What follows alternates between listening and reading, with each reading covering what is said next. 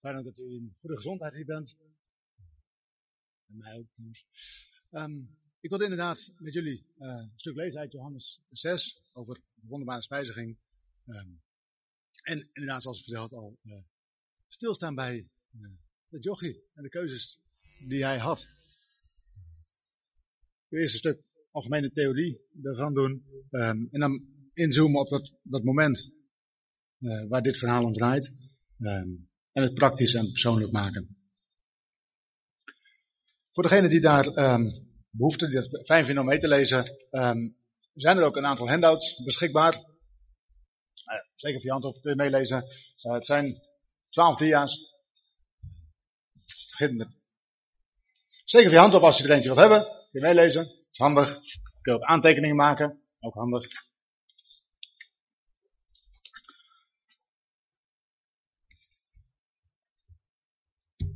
Het lijkt een beetje te piepen.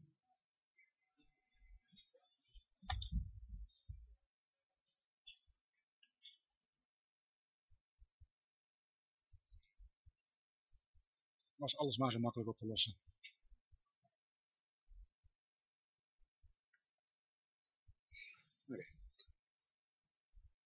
Johannes 6.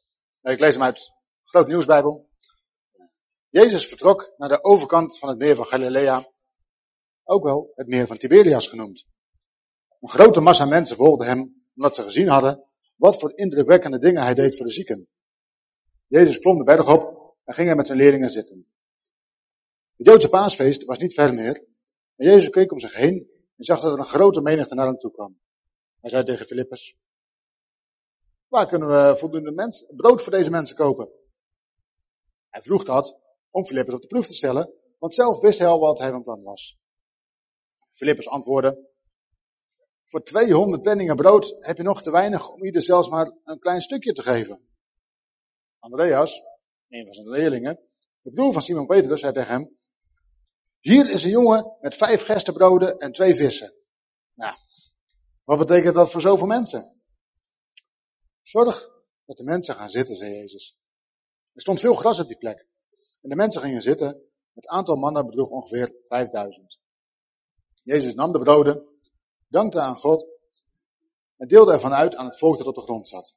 Hetzelfde deed hij met de vissen en de mensen kregen zoveel als ze wilden. Toen iedereen genoeg had, zei hij tegen zijn leerlingen, haal de brokken op die over zijn, er mag niet verloren gaan. Ze haalden ze op en vulden twaalf manden met wat de mensen van de vijf gerstebroden hadden overgelaten. Toen het, brood, toen het volk had gezien wat een machtig werk Jezus had verricht, zeiden ze, geen twijfel aan. Dit is de profeet op wie de wereld wacht. Jezus wist dat de mensen van plan waren om hem tegen zijn zin mee te nemen en koning te maken. Daarom trok hij zich weer op de berg terug. En daar was hij alleen.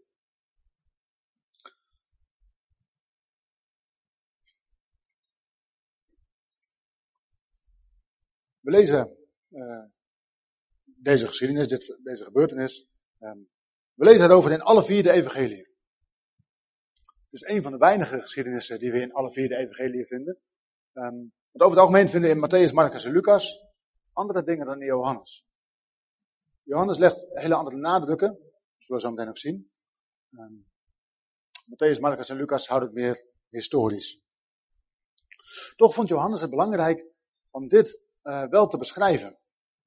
Dus ik wil eerst even met u kijken naar wie was Johannes eigenlijk. We hebben net al gelezen gezongen, de Heer is genadig. Dat is precies wat Johannes betekent. Jehovah is genadig. We weten over Johannes nog meer. Uh, zijn vader, Zebedeus, had minstens één boot. Uh, en Jacobus, zijn broer, en Johannes, en nog een aantal personeelsleden werkten voor zijn vader op die boot. Hij was waarschijnlijk een volgeling van Johannes, of van ja, Johannes de Doper. Um, en hij is één van de drie meest intieme vrienden van Jezus. Samen met Petrus en Jacobus is Johannes um, bijvoorbeeld bij het moment dat Jezus uh, het dochtertje van Jairus weer opwekt uit de dood. Uh, Johannes, Jacobus en Petrus uh, zijn bij de Heer op het moment van de verheerlijking op de berg. En um, die laatste avond, na het avondmaal, als ze de hof van Gethsemane ingaan, blijven op een gegeven moment negen discipelen uh, aan de rand. En Johannes, Jacobus en Petrus, die gaan nog een stuk verder met Jezus mee.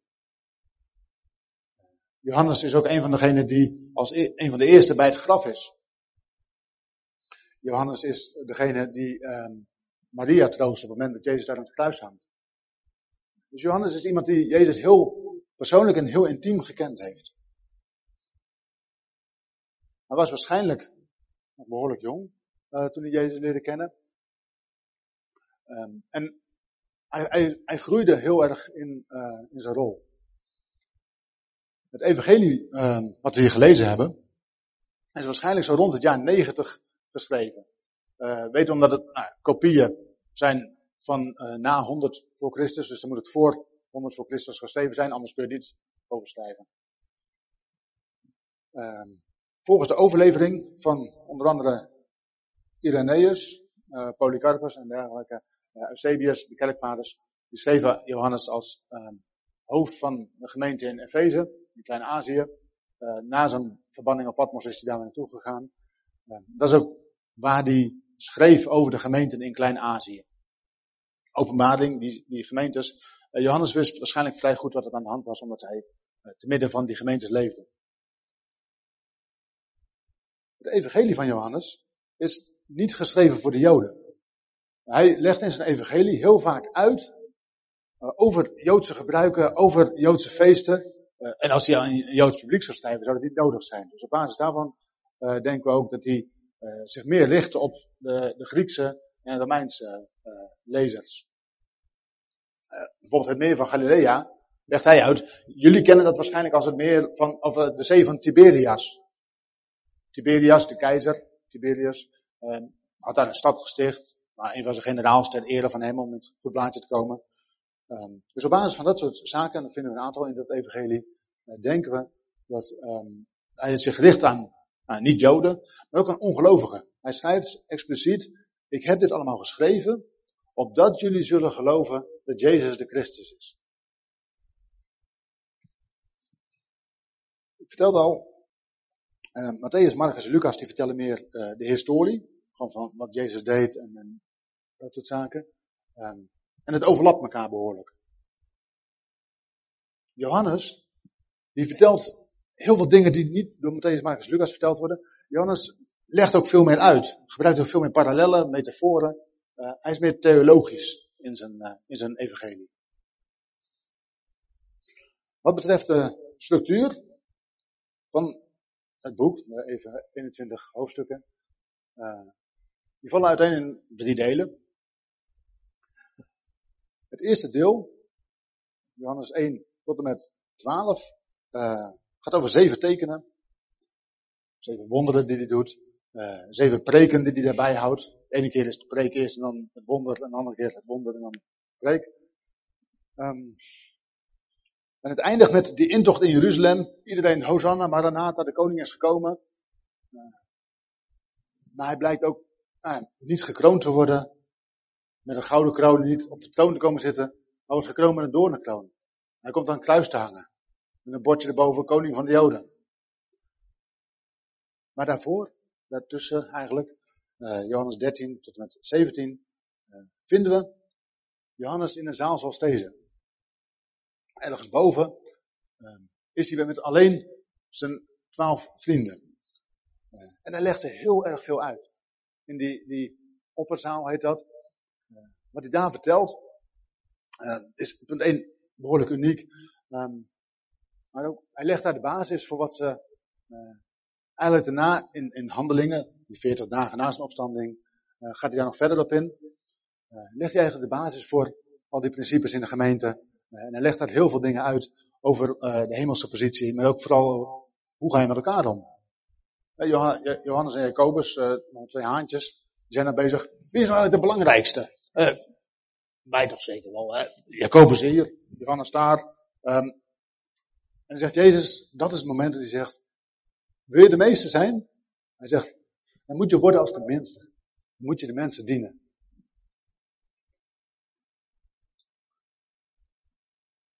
Dat is in die opperzaal. En daarna vind je dus Johannes 18 tot en met 21 uh, nog het stuk over opstanding, dood en opstanding van de Jezus. Dat is het laatste stukje van Johannes. Doorheen dat boek vinden we zeven keer uh, dat Jezus zegt, ik ben. Het zijn dezelfde woorden waarmee Jehovah zich voorstelt aan Mozes. We hebben net dat gedicht gehoord over Mozes. Zo presenteert God zich. Ik ben. En Jezus is een van de preken die hij houdt. Uh, ik en de Vader zijn één. Hij doet zeven tekenen. Um, water in wijn. Water, beeld van, symbool van uh, het woord van God. Het aardevat. Ieder van ons is zo'n vat. Uh, we vullen ons met het woord van God. We vullen ons met water. En het verandert in wijn. Het verandert in eeuwig leven. Gods woord brengt eeuwig leven tot stand in ons. Het aardevat verandert niet. Mensen, niet het aspect dat wij graag zouden veranderen. Het verandert wel bepaalde zaken. Zullen we ook zien bij Johannes. Johannes, Jezus noemt Johannes en zijn broertje zonen van de donder. Om ontzettend tekeer gaan. Op het moment dat uh, Jezus een onderkomen zoekt en ergens wil eten, zeggen de mensen in die, die plaats, sorry, uh, doei. Johannes zegt, wat, hoe het in het hoofd? Heer, kom, we gaan even. Dan zegt Jezus, relax Johannes. En die Johannes zit on, ongelooflijk op, opgewonden standje met zijn broers samen. Als je enige tientallen jaren later zijn evangelie leest, legt hij ontzettend de nadruk op de liefde. Hij staat daarom als, bekend als apostel van de liefde. Dus het is wel degelijk iemand die behoorlijk veranderd is uh, in zijn manier van denken, in zijn manier van leven. Uh, kennen we bij Paulus ook trouwens. Uh, ontzettend wettisch en fariseïs. en wordt het de verkondiger van nou, het evangelie. En Paulus zegt, maar de dingen die mij dwars zitten, die doorn in het vlees, daar verandert God niks aan. Dan zegt hij, maar genade is u genoeg.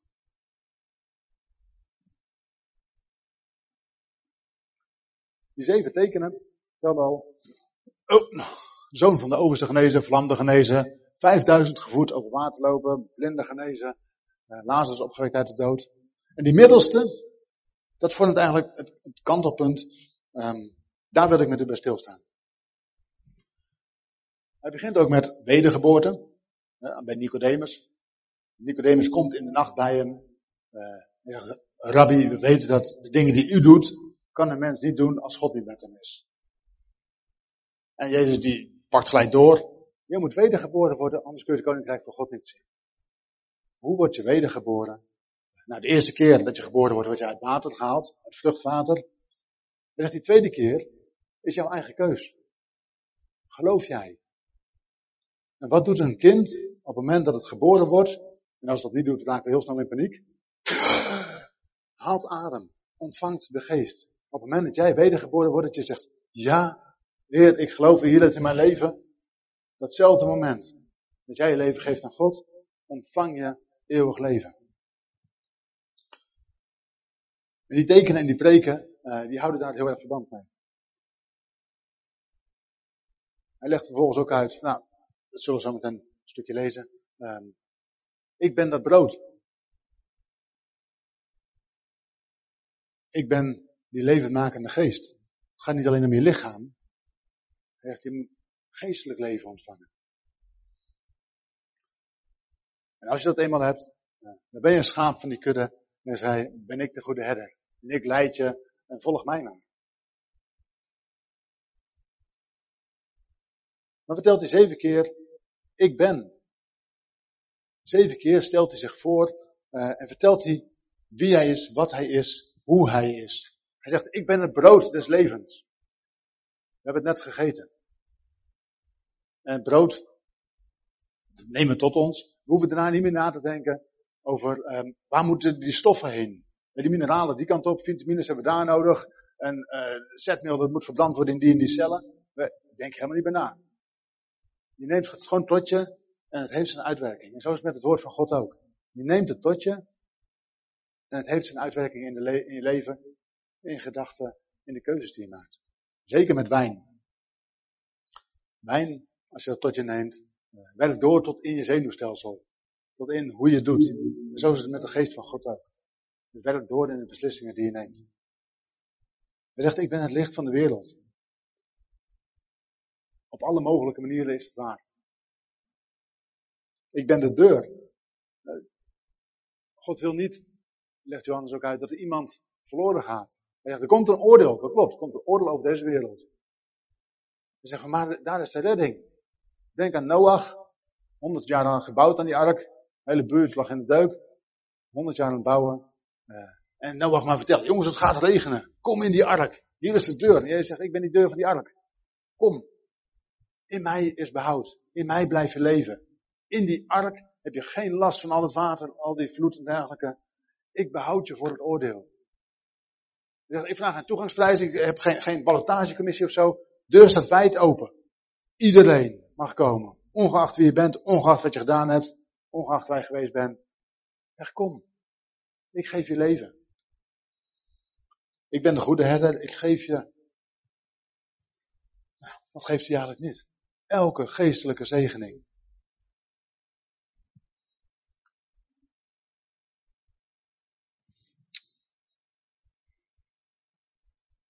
Technicus is even afgeleid.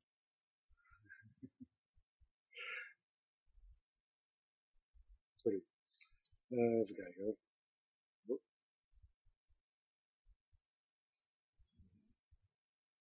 Ik Johannes is een uniek evangelie. Um, twee van de acht wonderen worden ook door anderen verteld. Volgende dia alsjeblieft. Yes. Uh, 93% van wat er in Johannes staat is uniek. 27 gesprekken die Jezus heeft met mensen uh, komen niet in andere evangeliën voor. Die zeven preken alleen, op een zaal, de situatie die uiteenzet in die vier hoofdstukken, alleen in Johannes. Uh, de reden op de Olijfberg, van, die we kennen over Matthäus bijvoorbeeld, Matthäus 24, Jeruzalem, Jeruzalem, gij die de profeten dood. Matthäus, Marcus, Lucas vertellen dat allemaal. Johannes laat het achterwege. Johannes richt zich niet op uh, aardse zaken.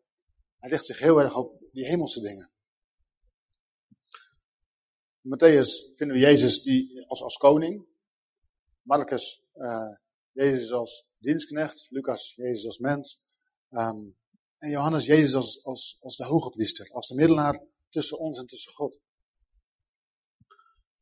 Wat even over het evangelie.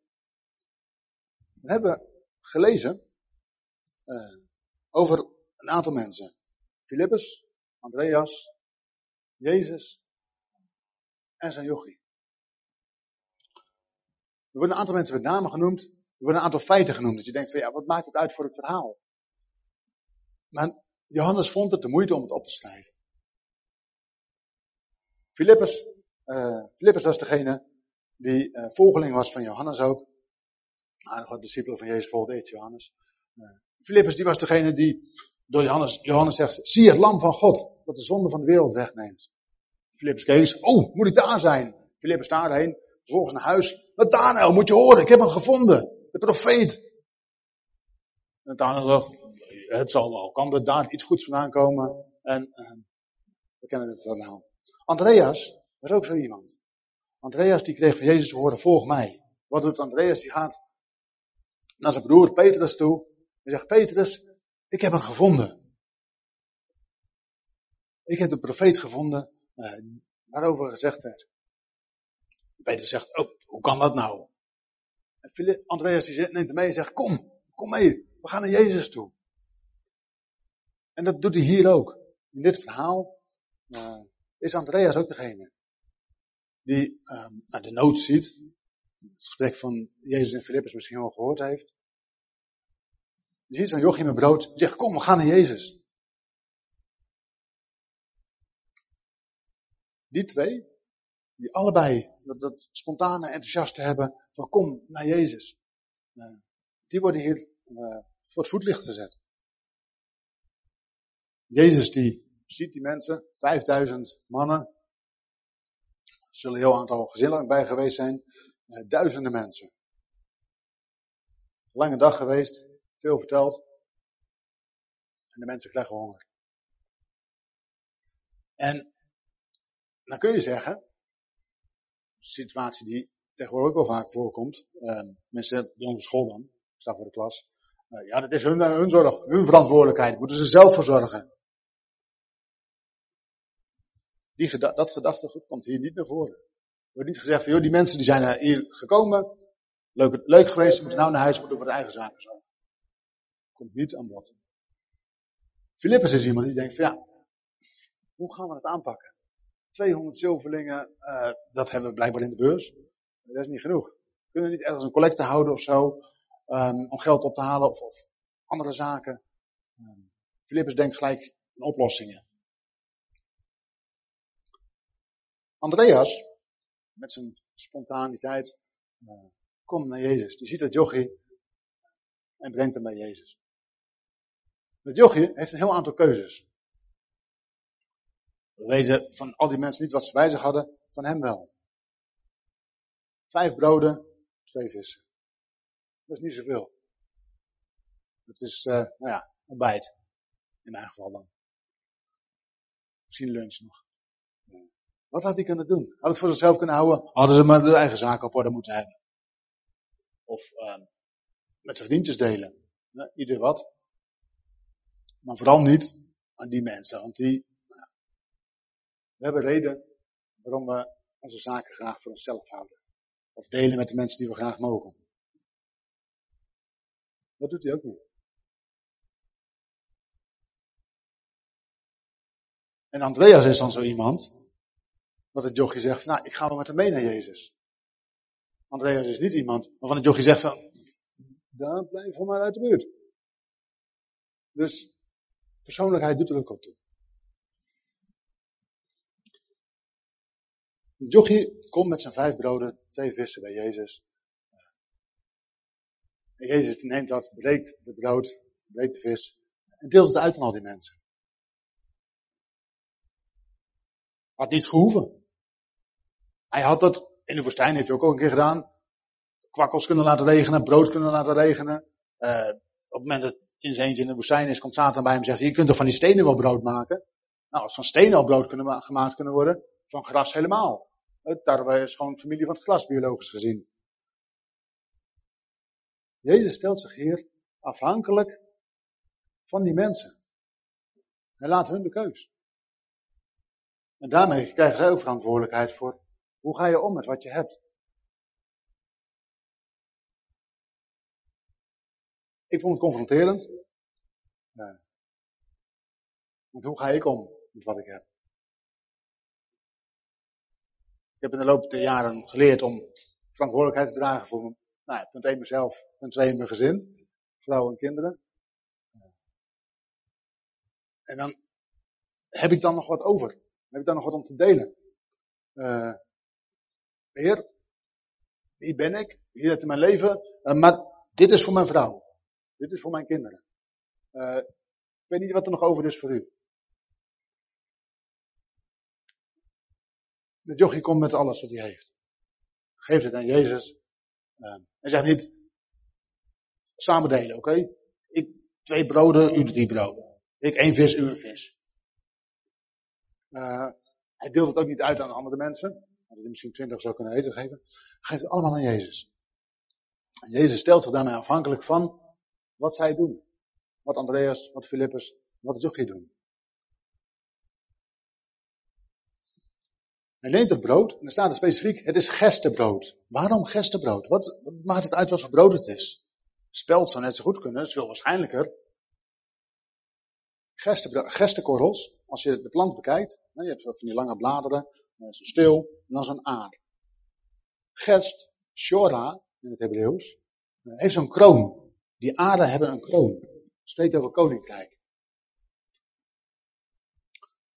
En uh, het brood, zegt Jezus, dat ben ik zelf. Hij komt met de, het koninkrijk is nabij.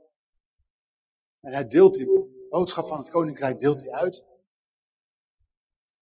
En zegt hij in Lucas, het koninkrijk begint in u. In degenen die geloven, daar begint dat koninkrijk.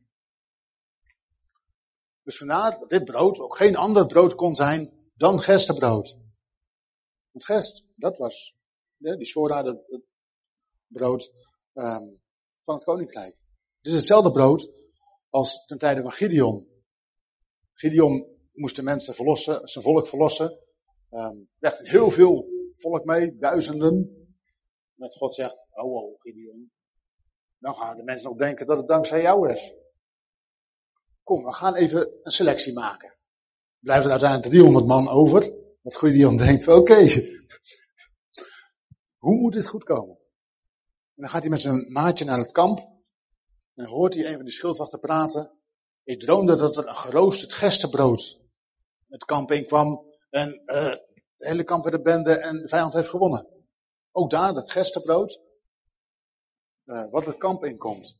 Zoals bij uh, de droom van Nebuchadnezzar, beeld, komt een steen die met dat beeld omver. Hetzelfde plaatje, en Daniel legt eruit. Dat is het koninkrijk, niet met handen van mensen gebouwd. Koninkrijk van God dat opgericht wordt. Als je dat soort dingen naast elkaar legt, dan wordt het duidelijk hoe ongelooflijk knap en hoe gedetailleerd die Bijbel in elkaar zit. En natuurlijk zijn het vijf broden. Uh, vijf kennen we ook als de hand. Zoals de zeven kennen we als een week. Uh, de tijd waarin God dingen doet. de tabernakel bijvoorbeeld heb je vier palen recht overeind. En dan die vijfde, die moet dwars. De dwarsligger, uh, houdt het stevig, houdt het sterk. Vijf is ook de geest. Vier, het zijn dorre dingen, de dorre letter, de wetten. en die vijf is dan de geest, die het levend maakt. Denk aan het dal van de dorre doodsbeenderen uit Ezekiel. dorre bende, die komt daar de geest en die maakt het levend. David had vijf stenen toen hij Goliath versloeg. De geest van God, de hand van God, die doet het werk, die doet die krachtige dingen. En die twee vissen worden één keer genoemd. Daarna komen ze niet meer terug. Het brood komt wel terug. Kom we zo meteen naar voren. Die twee vissen, twee, komen in de Bijbel vaak tegen uh, een stukje verdeeldheid. Je hebt eenheid en het wordt gebroken. Gebrokenheid. Uh, met twee harten die samenkomen.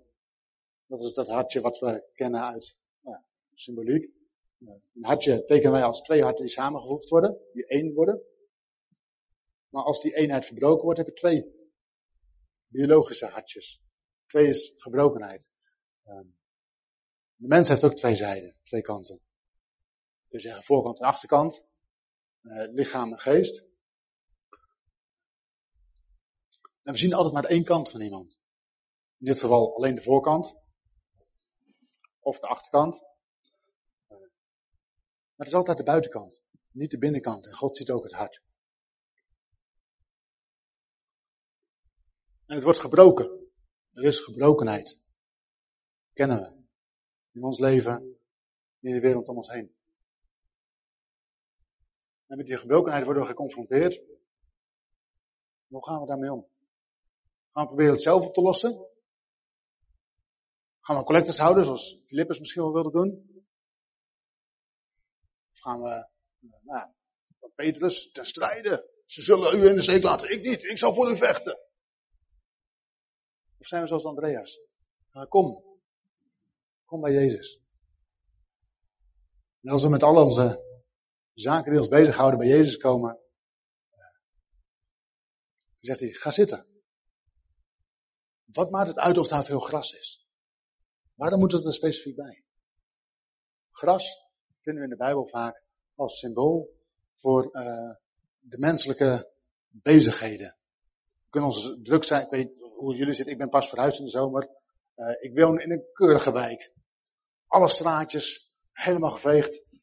Gras precies op de goede lengte, de heg precies op de goede lengte. Weet je, mensen kunnen er zo druk mee zijn. En dat is in de Bijbel ook uitgelegd wordt. Um, gras als, als beeld voor de menselijke bezigheden. Als de mens overleden is, dan is het weer verdwenen. Eh, maar het woord van God blijft in de eeuwigheid, staat er dan. Het gras voedt ook niet. Het is het woord van God dat voedt. Dat ons leven geeft. En Jezus zegt dan in vers 29. Ik ga even letterlijk voorlezen. Het enige werk dat God van u verlangt, is geloven in Hem die hij gezonden heeft. Want het brood dat God geeft, vers 33, is hij die uit de hemel neerdaalt en leven geeft aan de wereld. Dat jochie gaf zijn brood, gaf wat hij had. Jezus breekt het, deelt het uit en geeft zichzelf. Jezus zegt, ik ben dat brood. Hij geeft niet een beetje, Jezus geeft zich helemaal. Vandaar dat als jij hem toelaat in je hart, we in Efeze 1 bijvoorbeeld, ontvang je niet een beetje, je ontvangt elke geestelijke zegening. Hij geeft zich helemaal. En ja, dat groeit. Het is niet van de ene op de andere dag totale verandering. Paulus legt uit in 1 Corinthië 15, het begint met een zaadje. Het zaadje moet sterven. Eh, neem een eikel. Eikeltje moet sterven. Opstaan uit de dood, doordat het water bij komt, het woord van God. En het eikeltje wordt een boom. Het groeit jarenlang. Het moet groeien, het moet voeding krijgen. En heel lang verschilt dat in niets van bijna alle andere bomen of jonge plantjes. Maar naarmate dat groeit, naarmate dat water blijft krijgen, gaat het zich ontwikkelen. En je ziet, hé, hey, dat is een eikenboom. Aan de bast, aan de buitenkant, aan de bladeren, kun je zien, dat is een andere boom dan die andere bomen. En dan gaat het vruchten dragen. Dat is een kwestie van groei, van tijd. En dat is ook in ons eigen leven. Psalm 1 zegt, een gelovige is als een boom geplant aan waterstromen. Die zijn vrucht geeft. Op zijn tijd. Niet voortdurend. Niet het hele jaar door. Dat vinden we in openbaring pas in de nieuwe schepping. In de nieuwe schepping, dan is het voortdurend vrucht dragen.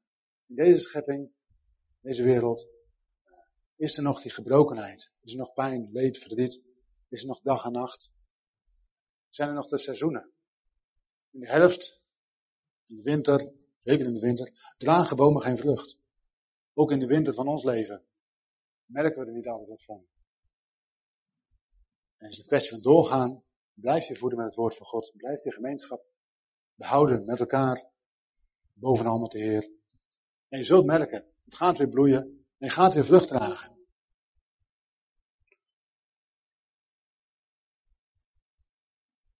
En de Heer Jezus, daarmee uh, ga ik bijna afronden, die, uh, die deelt dat uit, het brood, wordt gezaaid, wordt verstrooid.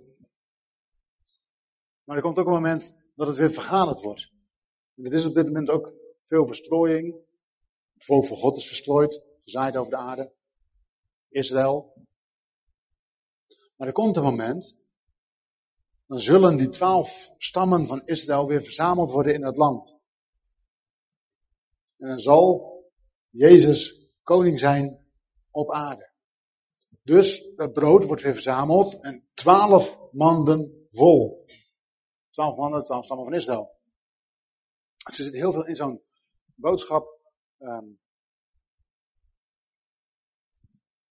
en het is leuk en het is aardig. Het is goed om te weten ook, het houdt je perspectief. Maar wat ik ook vooral wil benadrukken. Wat doen wij, die vijf broden, twee vissen die we hebben? Wat doen wij met wat we hier hebben? Wat ons bezighoudt? Gaan we het in eigen kracht oplossen? Of brengen het bij Jezus? En als we dan bij Jezus zijn, zijn we iemand die zegt, kom, ik heb hem gevonden. Ga je vanuit het enthousiasme de wereld in, zoals Andreas? Pak je het anders aan. Dat verschil is er. We hebben allemaal onze kwaliteiten en onze werkpunten. Kom bij Jezus. Ik wil als laatste met jullie danken. En dan afsluiten. Hemelse Vader, dank u voor de liefde en uw genade, Heer. Dank u voor alle dingen die u ons geeft. Dank u dat we mogen weten dat u bij ons bent. Dat u ons kent zoals we werkelijk zijn. Dat we weten wat er in ons hart zit. Dat ons bezighoudt, de dingen die we waar we ons zorgen over maken. De plannen die we hebben. Wees ons nabij, Heer. Dank u dat we mogen weten dat alle dingen die we meemaken, leuke dingen, minder leuke dingen, dat u ze gebruikt om ons op te voeden en te maken tot wie u wilt te worden. Leert ons om op een goede manier met elkaar om te gaan, elkaar te vergeven zoals u ons lief heeft mag haar lief hebben zoals ons lief heeft. Wees ons daarbij. Leer ons leven tot even.